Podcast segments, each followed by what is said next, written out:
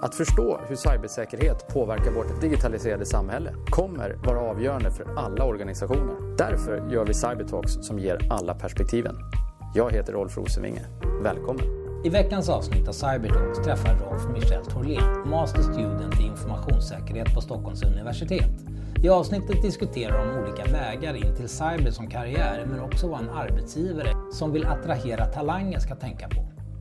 Hej och välkomna till ett nytt avsnitt av Cybertalks. Ehm, idag har vi med oss Michelle Torlén. Välkommen! Tack! Du är bland annat masterstudent vid universitetet eh, men också projektkoordinator för Cyber Challenge som vi också ska prata lite om. Ehm, det här är också ett avsnitt som jag har velat göra länge eh, om lite grann temat för dagen är väl kanske vägen in i cyber som karriär. Mm. Men eh, kanske för lyssnarnas skull, vi börjar med en liten introduktion till dig. Mm. Kul. Ehm, jag kommer nyligen från Försvarshögskolan där jag tog min kandidatexamen i juni. Och för närvarande så studerar jag informationssäkerhet på Stockholms universitet. Ehm, fick upp intresset för cyber för ungefär tre år sedan. Ehm, och har väl sedan dess eh, funderat på hur jag just ska ta mig in i cyber och hur man gör det när man kommer ifrån en samhällsvetenskaplig bakgrund. För det tror jag många studenter undrar. Det tror jag också och eh, jag har pratat flera gånger tidigare om just det här att jag tycker att det är ganska spännande när man får liksom de här crossfunktionella teamen. Mm. Jag eh, har i, tidigare själv haft möjligheten att ha både analytiker och statsvetare och mm. jurister så att säga, och tekniker i, i olika sammanhang jobba tillsammans. Så det, mm. det är ganska häftigt. Så att, eh, jag ser jättemycket fram emot det här. Men om jag börjar i den här änden då så cyber som fråga. Ehm, hur blev, var, var kom intresset ifrån? Var det en slump? Var det någonting du har tänkt på sedan mm. barnsben? Eller mm. hur, hur, var väcktes intresset? Ja, jag hade faktiskt ingen aning om att jag skulle hamna på det här spåret. Eh, direkt efter gymnasiet så började jag studera på KTH eh, inom finans och fastigheter. Eh, insåg efter ett år att det var inte riktigt för mig. Jag eh, kunde inte hitta mitt eh, why i det. Mm. kunde inte hitta någonting jag brann för. Mm. Så då valde jag att söka in till en kurs på Försvarshögskolan. Eh, jag tror jag var 19 år när jag, när jag sökte. Eh, hamnade där, hade ingen direkt plan. Förutom att jag tyckte att krig och konflikt exempelvis var väldigt spännande. Och där träffade jag min föreläsare, min lärare, eh, som då hade doktorerat inom just internationell juridik och eh, cyberkrigsföring. Och det var där mitt intresse väcktes för det. Spännande. Och, och det, vi, vi pratade kort eh, innan här mm. under en kaffe just att man ofta att man, man under ett arbetsliv eller så att man, man springer in i ett par, tre olika sådär som verkligen kan mm. inspirera en. Och vad var det som, vad var det som verkade så spännande? Jag tror att det var digitaliseringen och dess konsekvenser för mänskligheten som jag tyckte var superspännande. Mm. Um, och också att se hur lagar, just då internationell rätt, inte hänger med i digitaliseringen. Vi fokuserade väldigt mycket på Genèvekonventionerna som är um, just lagen som gäller under krig och konflikt. Eh, och den skrevs ju för väldigt många år sedan eh, och har inte uppdaterats jättemycket sedan dess. Det finns inte särskilt mycket praxis på området. Och då tyckte jag att det var superspännande att se hur anpassar vi de här ramverken efter hur krigsföring ser ut idag och kommer att se ut om kanske 20-30 år. Mm. Eh, så att det var superspännande. Vi hade väldigt många intressanta diskussioner i klassen och med lärarna. Och sen så valde jag att skriva min C-uppsats om cyberkrigsföring och det juridiska skyddet av civil data i krig. Just För just i krig så får man inte attackera civila objekt. Mm. Eh, och då var min fråga, kan man klassificera, klassifiera eh, data som ett objekt? Just det. Mm. Och det är faktiskt en väldigt intressant frågeställning och, och um, även om det inte är själva um, så att säga, huvudfokuset för avsnitt så Nej. kan jag ändå inte låta bli att fråga då för mm. det där är någonting som jag faktiskt har funderat på också. Att, um, vi har egentligen min bild nu, mm. så får vi se vad, mm, vad, ja. vad, vad, gällande teori säger här. Men mm. min bild är ju någonstans att, just som du var inne på, att eh, vi har en situation där, där varken lagstiftningen mm. har hängt med, men heller inte, ska man säga, det allmännas uppfattning om hur en modern konflikt går till. Ja.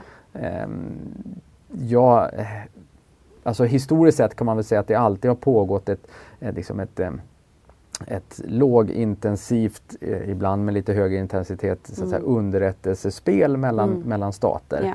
Ja. Eh, men i och med cyber som arena Mm. eh, och de möjligheter och det vårt uppkopplade samhälle och så vidare Mm. så har ju liksom underrättelsespelet kanske vidgats till snarare någon form av lågintensiv konflikt eh, stater emellan Mm. på cyberarenan. Mm. Eh, men det gemensamma med underrättelsearenan är någonstans att det sker under radarn på något sätt Mm. för oss vanliga medborgare. Vi kanske inte alltid ser det, men sen ser vi små bitar av det som kommer upp till ytan. Sådär. Mm. Samtidigt som väldigt mycket, som du kanske också var inne på, väldigt Mm. mycket av det som faktiskt är kritisk data och kritisk förmåga idag sitter i näringslivet. Eh, det skapar ju onekligen en del problematik. Ja, och många frågetecken tror jag också för civila människor. Mm. Eh, man får inte attackera mitt hus men min data är helt okej. Ja. Det är en rätt stor och viktig fråga. Eh, mycket av det vi värderar idag sitter just i data. Viktiga företagsidéer, utveckling av produkter och, och liknande. Eh, värdefullt för människor idag. Mm. Eh, det är klart att juridiken måste hänga med i det. Jag tror nästan att vi har ett alldeles separat Ja. avsnitt om det där faktiskt.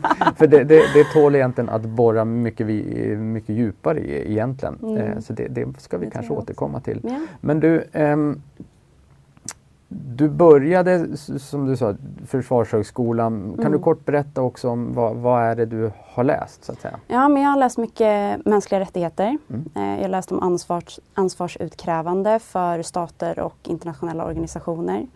Eh, mycket krigets lagar eh, och så. Och sen min sista termin så gjorde jag även eh, praktik för att få sätta teorin lite i verkligheten. Eh, sen tog jag även två kurser i statsvetenskap på Stockholms universitet. Eh, vilket också var superspännande. Eh, dock inte lika mycket fokus på cyber på Stockholms universitet eh, där som jag tyckte att det var på Försvarshögskolan. Eh, men det var roligt, det var värdefullt. Men jag hade siktet inne på den här mastern eh, väldigt länge. Mm. Eh, för jag insåg rätt fort att det saknades det tekniska perspektivet och för att kunna få ett helhetsgrepp över cyber som fråga så, så måste man få det också. Nej, men jag tror att, och jag, det tror jag är en bra spaning. Ehm, ehm, för alltså, min egen bild, och, och Mm. jag kan ju bara gå till mig själv också, att Mm. en av de det är ju också en av anledningarna till att cyber som fråga är spännande. Det är Mm. att det innehåller så många dimensioner. Eh, men i grund och botten så är det också en väldigt tekniktung disciplin. Och jag, jag tror att man behöver ha det där på ett eller annat sätt med sig. Mm. Sen behöver inte alla komma från teknikhållet. Eh, men det är ju också i grund, och, det är i grund och botten en teknisk fråga. Men det finns så många dimensioner som det sen breder ut sig. Men det är också det som gör det så spännande, tycker jag. Ja, och jag tror också att fördelen från, med att komma från en samhällsvetenskaplig bakgrund är att man får en viss analytisk förmåga. Eh, vilket jag tror är rätt grundläggande eh, när man jobbar med, med just cyber. Eh, samtidigt så finns det andra sätt att lära sig tekniken också. Ifall man har det som ett stort privat intresse. Jag menar det finns ju hur mycket information som helst. Eh, litteratur, det finns Youtube och, och liknande. Och man kan även lära sig ute i arbetslivet ifall man har den turen och hamna på en arbetsplats som är öppen för det. Eh, Men eh, jag tyckte det verkar som en rätt spännande och kanske lite enkel väg att faktiskt lägga till en master eh, där jag får lära mig de tekniska bitarna. Jag tror att det kommer underlätta för mig när jag kommer ut i arbetslivet sen. Ja, men det tror jag och det tror jag är en bra spaning. Mm. Ehm, sen, ehm, s- sen var du i Genève. Ja, Det tyckte jag var spännande. Berätta. Ja, eh, om den sista terminen på Försvarshögskolan så har man möjlighet att göra praktik. Eh, och eh, den platsen får man hitta själv. Eh, så att eh, jag fick nys om en svensk kvinna som jobbade på en stiftelse som heter Geneva Center for Security Policy i Genève. Så jag hörde av mig till henne och sa hej, kan vi ta en fika? Och det gjorde vi och jag fick höra om organisationen eh, och lyckades norpa en praktikplats. Och det är en väldigt spännande organisation i Genève. Det är i grund och botten en ideell stiftelse eh, som främst arbetar med fortbildning eh, inom internationell fred och säkerhet. Så att de grundades eh, 95 på uppdrag av eh, Utrikesdepartementet och Försvarsdepartementet eh, i Schweiz med just eh, uppdraget att just främja internationell säkerhet och stabilitet. Så det de gör är att de har kurser inom en rad olika ämnen. Eh, bland annat cybersäkerhet, eh, fredsbyggande, krishantering, ledarskap. Eh, och det, de riktar in sig på ja, mid-career professionals. Eh, så det var mycket diplomater, eh, FN-personal, civil personal och eh, officerare som kom till oss från hela världen för att gå ja, men kurser och fortbilda sig och liknande. Och där är ju cyber väldigt intressant för det händer så mycket på området. Så det är klart, ifall du är officerare eller jobbar inom eh, en nationell försvarsmakt så måste du uppdatera dig i vad som händer. Eh, man är aldrig för gammal för att lära sig, var lite ledordet. Det är nog en ganska bra, eh, ganska bra ledord. Mm. Och sen kan jag tänka mig att just Genève är en ganska dynamisk miljö. Det finns mycket där. Ja, det är mittpunkten mm. för säkerhet och fred. Mm. Så att det var väldigt givande.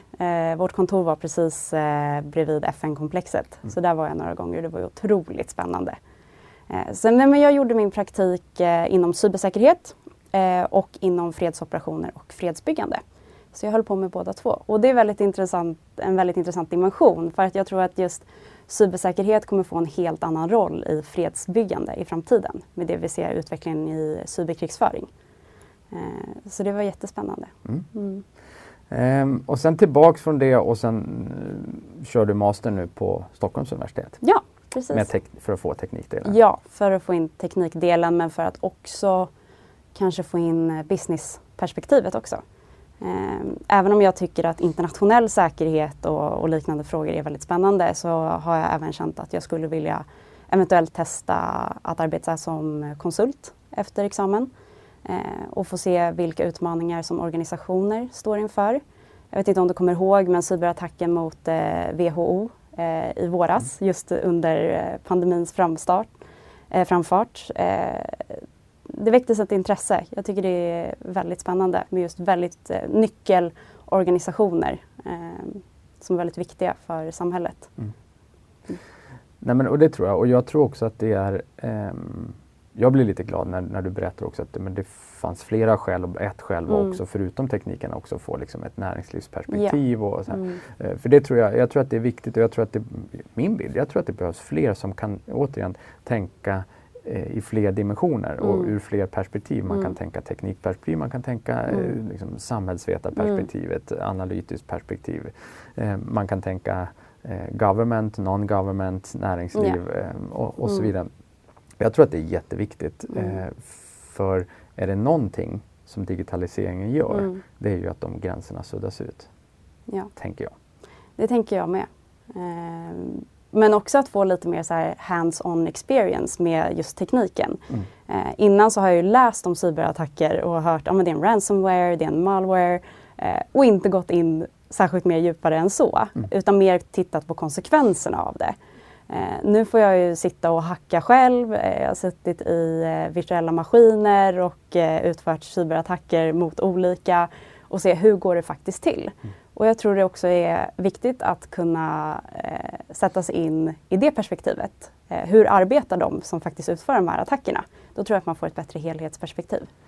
Det tror jag och jag mm. tror har man fått det så tror jag också att det är så mycket lättare att förklara för någon annan. Ja. Och om du nu tänker en, mm. möjligen en framtid som konsult. Ja. Så en, en, eh, en gammal kollega till mig som jag jobbade mycket med som jag uppskattar otroligt mycket. Han hade ett sånt där mantra nästan, att sa seeing is believing. Mm.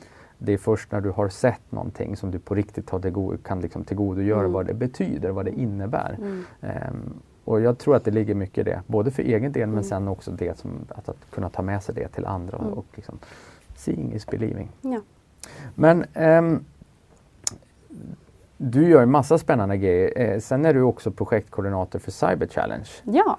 Eh, berätta om det och kanske jag tror att många känner till Cyber Challenge mm. men kanske inte alla så att vi kanske börjar där. Ja, eh, Cyber Challenge är en policyorienterad cybersäkerhetstävling som äger rum på Försvarshögskolan varje år. Jag tror att vi är inne på fjärde eller femte året. Där studenter i lagom fyra eh, får ta del av ett fiktivt scenario om en eh, svensk cyberkris. Eh, och då ska ge sina rekommendationer eh, till ja, regering och relevanta myndigheter hur ska vi gå tillväga för att lösa det här?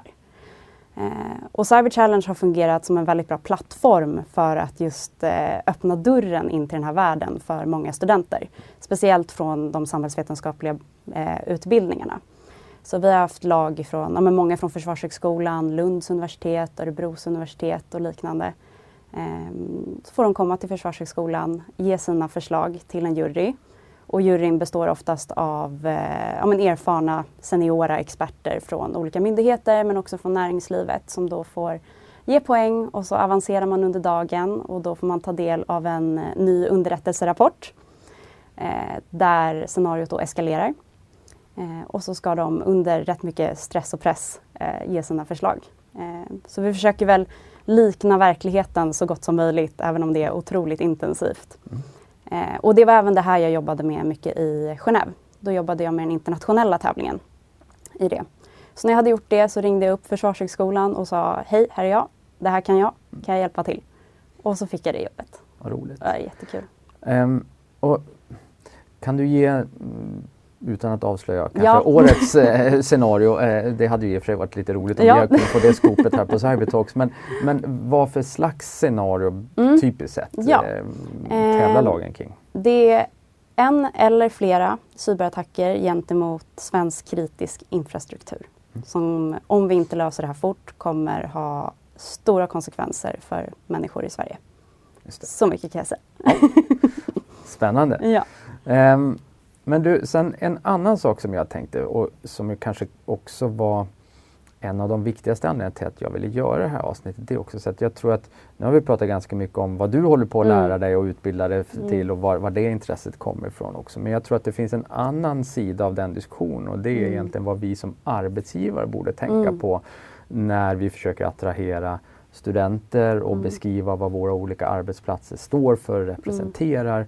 Eh, för jag kan också tänka mig att det är inte alldeles lätt att vara student och stå där och söka de här liksom vart ska jag? Mm. Om, jag om jag nu har cirklat in på att cyber är, mm. är, det jag vill jobba med men vart ska jag? Och, är det konsult? Är det linjeorganisation? Mm. Är det mm. government? Är det näringsliv? Mm. Vart, vart ska jag? Mm. Och första frågan är kanske hur, hur, hur sköter vi oss som, som arbetsgivare? Är vi, är vi bra på att berätta eller är vi inte så bra på att berätta om, om eh, vad vi erbjuder? Jag tror absolut att ni finns representerade eh, och eh, är synliga för studenter. Eh, dock så kan jag tycka att eh, ni inte erbjuder jättemycket eh, just när man är student. Mm. Jag menar när man är nyexaminerad och söker ett jobb. Jag har ju kollat rätt mycket annonser, söker runt på LinkedIn och liknande. Eh, då hittar jag rätt mycket. Men jag vill ju lära mig här och nu. Jag vill kanske bli en del av ett traineeprogram, göra praktik samtidigt som jag studerar och liknande. Och några sådana annonser hittar jag inte alls. Nej. Och just sådana möjligheter kan man ju såklart få genom att nätverka. Men vill man ta sig an studenter tidigt så måste man annonsera ut lite mer tror jag. För jag tror det finns mycket hungriga studenter som vill just sätta teori i praktik under studietiden. Precis, och, och det där är väl en jättebra spaning att eh, som, som med all och det är ju egentligen kanske inte specifikt för cyber utan alltså, i näringslivet så pratar man om talent acquisition. Mm. Eh, och, och, någonstans så handlar det väl om att komma före. Mm att visa att man finns och är mm. relevant. Och jag tror att, men det är väl också en, det är ju en omsvängning som har skett och fortfarande skulle jag påstå pågår. Mm. Att man kanske kommer från ett paradigm där, eh, där, där, studenten tacksamt ska komma och ansöka mm. men det är inte riktigt så verk, verkligheten ser ut längre, tror jag. Jag tror att ni är så jäkla mycket mer driftiga och plus att det finns så många fler möjligheter. Så att det är kanske vi som måste, som arbetsgivare, som måste up our game lite. Men så kan det vara. Sen tror jag också att det är en väldig fördel att ta sig an en student. Jag menar, om jag får ett jobb eh, på ett företag nu kommer jag ju prata om den arbetsplatsen till kanske 20 andra studenter på universitetet. Mm. Då har ni en enorm fördel sen om ett år när alla tar examen. För då har de studenterna just er i åtanke. Mm. Så att ur det perspektivet så är det ju väldigt smart också att göra så. Helt sant. Mm. Men du, vad, förutom då att vara närvarande tidigare, mm. vad, och det jag vet att det är svårt att generalisera för alla är ju kanske inte helt lika som tur är. Eh, men vad tror du att man söker som student? Alltså är det de hårda faktorerna kring liksom, lön, vad det, vad, man, vad det får stå på visitkortet, vilket varumärke man ska representera. Eller är det mjukare saker som kultur och eh, möjlighet till liksom, utvecklande, att det verkar finnas utvecklande ledarskap, mm. coachning, sådana saker. Mm. Vad, vad, och du kan ju börja med att utgå från dig själv. Ja, precis. Det, det, är lite svårt för mig att dra en slutsats för, eh, alltså generellt för mm. studenter. Jag, jag, kan mest utgå från mig, mig själv och för mig är det just de mjuka värdena. Mm. Eh, jag har en lång karriär framför mig inom cyber eh, och eh, just att det ska finnas möjlighet till lärande, till vidareutbildning, att kunna ha en stöttande chef med tydligt ledarskap men som även fungerar lite som en mentor tror jag är jätteviktigt i början av karriären. Och just när man tänker också på att cyber är väldigt, väldigt brett så kan det vara värdefullt för studenter eller nyexaminerade studenter att ha någon som vägleder en lite. Så när jag söker mitt första jobb efter examen så kommer det vara det jag tittar på främst. Sen är det såklart olika men jag tror att jag kommer vilja dra mig mot en mindre organisation eh, där man får möjlighet att jobba väldigt brett eh, och, så, och få se alla olika områden. Det tror jag är viktigt. Sen det är klart att jag ska inte sticka under stolen med att eh, lön inte är viktigt eller löneutveckling. Det är klart att det ska eh, att det ska ges en lön som representerar ens engagemang, ambition och resultat. Eh, men det tror jag kommer lite senare. Mm. Och det där är ganska intressant för på olika arbetsplatser och sådär alltså, och i min egen, när jag, eller, liksom, egenskap av linjechef mm. så har man gjort ganska många sådana undersökningar genom åren. Mm. Jag tycker ju någonstans att det du säger är ganska representativt. Mm. Det är sällan till exempel lönen eller titeln eller så kommer mm. först. Eh, ändå är det, min bild i alla fall, ganska ofta det vi står och viftar med fortfarande. Mm. Eh, istället för de saker som du tar upp som mm. om man tänker efter borde vara ganska självklara. Att, mm. att möjligheten att få fortsätta utvecklas och att liksom tillgång och access till egentligen coachning, mentorering mm. så att man får fortsätta växa. Borde vara ganska självklart. Men det, det kanske tycker inte är jag det. med. Och jag tycker också att den rollen som står på CV är inte det viktigaste. Det är det som står, texten som står under rollen mm. som är det viktigaste. Vad har jag lärt mig? Vad gör jag om dagarna? Mm. Eh, och vidare. Så känner i alla fall jag. Mm. mm. Nej, men, och sen eh, det finns ju säkert många som gör anspråk på att ha myntat uttrycket men eh, jag är inte en av dem, men jag tycker om det. Välj din chef. Eh, ja. Det, det, tror jag mm. är ett, generellt sett ett, mm. ett bra tips. Um, för det gör faktiskt stor skillnad. Det gör jättestor skillnad och det upplevde jag i Genève. Jag hade två handledare som var helt fantastiska. Eh, och en av dem sa eh, första dagarna att eh, jag vill inte bara vara din handledare utan jag vill också vara din mentor. Mm. Så om du har framtidstankar eller du vill bolla idéer, kom till mig så pratar vi om det. Eh, och det var otroligt värdefullt mm. eh, och gjorde det här halvåret väldigt givande. Mm. Exakt. Um, sen har man ju den här, tänker jag, jag pratade nämligen med, med en, en, annan ungefär i din sits här relativt nyligt och vi hade en ganska bra diskussion. Den studenten eh, var också ungefär i slutet av sin, eh, så säga, sin utbildning och stod inför det här, vart ska jag nu då? Mm. Eh, men hade kanske inte riktigt, för du sa, vilket jag tyckte var lite du sa alldeles nyss att cyber är ganska brett. Yeah. Och vi som håller på med det mm. ställer ju upp på det. Ja. Utifrån sett så, så, tycker man förmodligen att det är jävligt smalt. Ja. Ehm, mm. Men, men, ehm, men det är ju faktiskt kan vi vara överens om, det. tycker jag. Mm. Att det, det, är ganska brett. Och, och, den här studenten var väldigt i valet och kvalet. Så här, ska jag gå wide mm. eller ska jag gå deep? Eh, som, som liksom när jag nu ska in i arbetslivet. Eh, hur tänker du kring det?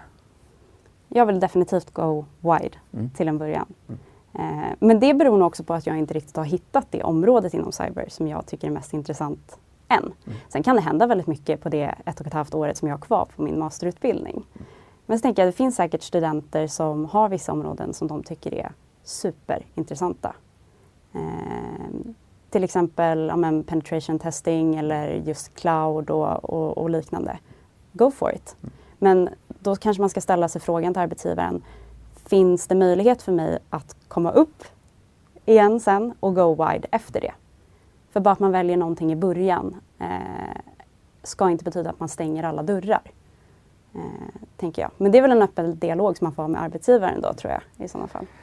Precis. Mm. men, och, och, det är också precis anledningen till varför jag tar upp det. För för mig mm. så tror det är en sån fråga som jag, alltså när jag träffar Mm. människor ungefär i din situation, som man är i slutet av Mm. sin utbildning, det, det är faktiskt en av de viktigaste frågorna att ställa för mig Mm. till en sån som dig. Ja. Alltså, är du, are you in it to go wide or to Ja. go deep? Och Mm. inget är rätt eller fel, men Mm. det gör en fundamental skillnad på hur man kommer trivas på en arbetsplats tror jag. Mm. För att om, om det finns en disconnect Mm. där kanske din önskan, Mm. som du var inne på, Mm. var att gå wide. Mm. Men verkligheten på, Ja. På vårt bolag eller det Mm. där, liksom där man tar anställning är att ja, men nu, ska du, nu ska du in i produktion och du ska Mm. lära dig eh, under handledning av den här experten och så är det liksom Mm. det där. Då, kommer inte du trivas. Och vice versa. Om, Men jag tänker från ditt perspektiv, vad, vad söker arbetsgivare på det? Vill man ha en student som redan har hittat sin nisch? Eller vill man ha mer formbara studenter eh, som man kan lära upp? Skönt att du vänder perspektivet och äntligen får jag för fråga. första gången i Cybertalks en fråga. Bra!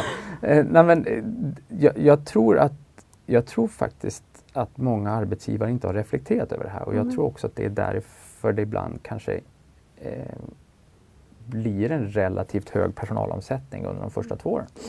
Därför att jag tror att det är precis den här diskussionen man Mm. måste ha. Mm. Det är min spaning. Mm. Ehm, tiden går fort ehm, och mm, så här långt då tänker jag om vi ska börja avrunda snart. Så, ehm, du hade en hypotes, det var ett intresse som väcktes. Mm. Du har kört, eh, du är snart i slutet av, av Mm. så att säga, utbildningen och ska Mm. ta så, vad- dina viktigaste learnings kring cyber som domän då? Vad, och, och framtida arbetsfält. Vad, vad har du lärt dig så här långt och vad är det du hoppas få sen realisera Mm. när du kommer ut? Jag har lärt mig otroligt mycket. Ehm, men en sak jag har lärt mig främst är att digitaliseringen inte kommer utan konsekvenser. Eh, och där har jag hittat mitt why väldigt tydligt. Jag vill vara med och skydda det som vi värderar väldigt högt. Eh, det brinner jag för. Jag känner, kan jag gå till arbetet och arbeta för det, eh, då kommer jag vara nöjd när jag kommer hem sen. Eh, det har varit en learning just med själva området. Varför fortsätter jag? En annan learning har varit att eh, nätverka är otroligt viktigt i den här branschen. Att alltid omringa sig av personer som kan väldigt mycket mer än du själv. Det är så man utvecklas. Ehm, och en tredje learning är att aldrig sluta vara nyfiken. Tror jag. Att utbilda dig själv hela tiden. Då tror jag att man har vägen framför en bra karriär. Coolt. Nej, och jag håller med, men eh, och, ja, riktigt snyggt. Ehm, för jag tror just det där att man måste hitta sitt why. Ehm, jag tror att en del missar det. Ehm, alltså, och det gäller inte bara studenter utan även Mm. alltså, att man kan komma på det relativt eh, långt upp i, i arbetslivskarriären på något sätt. Att man, har jag verkligen liksom bottnat mitt why? Varför gör jag det Ja. här? Och jag tror också att det är viktigt så här tidigt i karriären. För jag vet inte exakt vad jag kommer syssla med sen. Jag har ingen aning. Det finns ett helt smörgåsbord av alternativ. Men så länge du vet vilket värde du kämpar för så kommer de valen att bli väldigt mycket enklare. Yes. Mm. Helt rätt. Och sen tycker jag du tar upp en, ett par viktiga saker till. Alltså kontinuerligt lärande, Mm. det tror jag kommer krävas av oss allihopa. Det är inget specifikt för studenter men det är Mm. någonting som är oerhört viktigt egentligen i hela samhället idag. Ehm, den som orkar jobba med sitt eget kontinuerliga lärande kommer ha en enorm fördel tror jag. Och sen slutligen så tar du upp nätverkan och jag tror också att det, skall, det kan man nästan inte överskatta. Mm. Ehm, för det är väldigt mycket så Ja, det går till. och det är så jag fick min praktik. Det är så jag fick jobbet på Försvarshögskolan. Mm. Ehm, det är bara get out there. Erbjud dig och det du kan. Men det du mest kan erbjuda är din am- ambition och engagemang så här tidigt i karriären. Och det har gett resultat. Och det är roligt att det har gjort det, för det tror Mm. jag också är, mm, jag har fått den frågan själv några gånger, Mm. men vad är det viktigaste? Men att liksom, som, Mm. när man ska Mm. kliva in att, Mm. i, i, i arbetslivet så är det precis det. Att, men räck upp handen, visa att du finns, visa att du vill, för det säger någonting om dig. Mm. Och då är det roligt att se att du har gjort det och faktiskt också fått kvitto på att Ja, det fungerar, att du fick det- resultat av det. Mm. Det är ju jätteroligt. Och sen vill jag bara eh, gå tillbaka till det du sa innan eh, med ständigt lärande.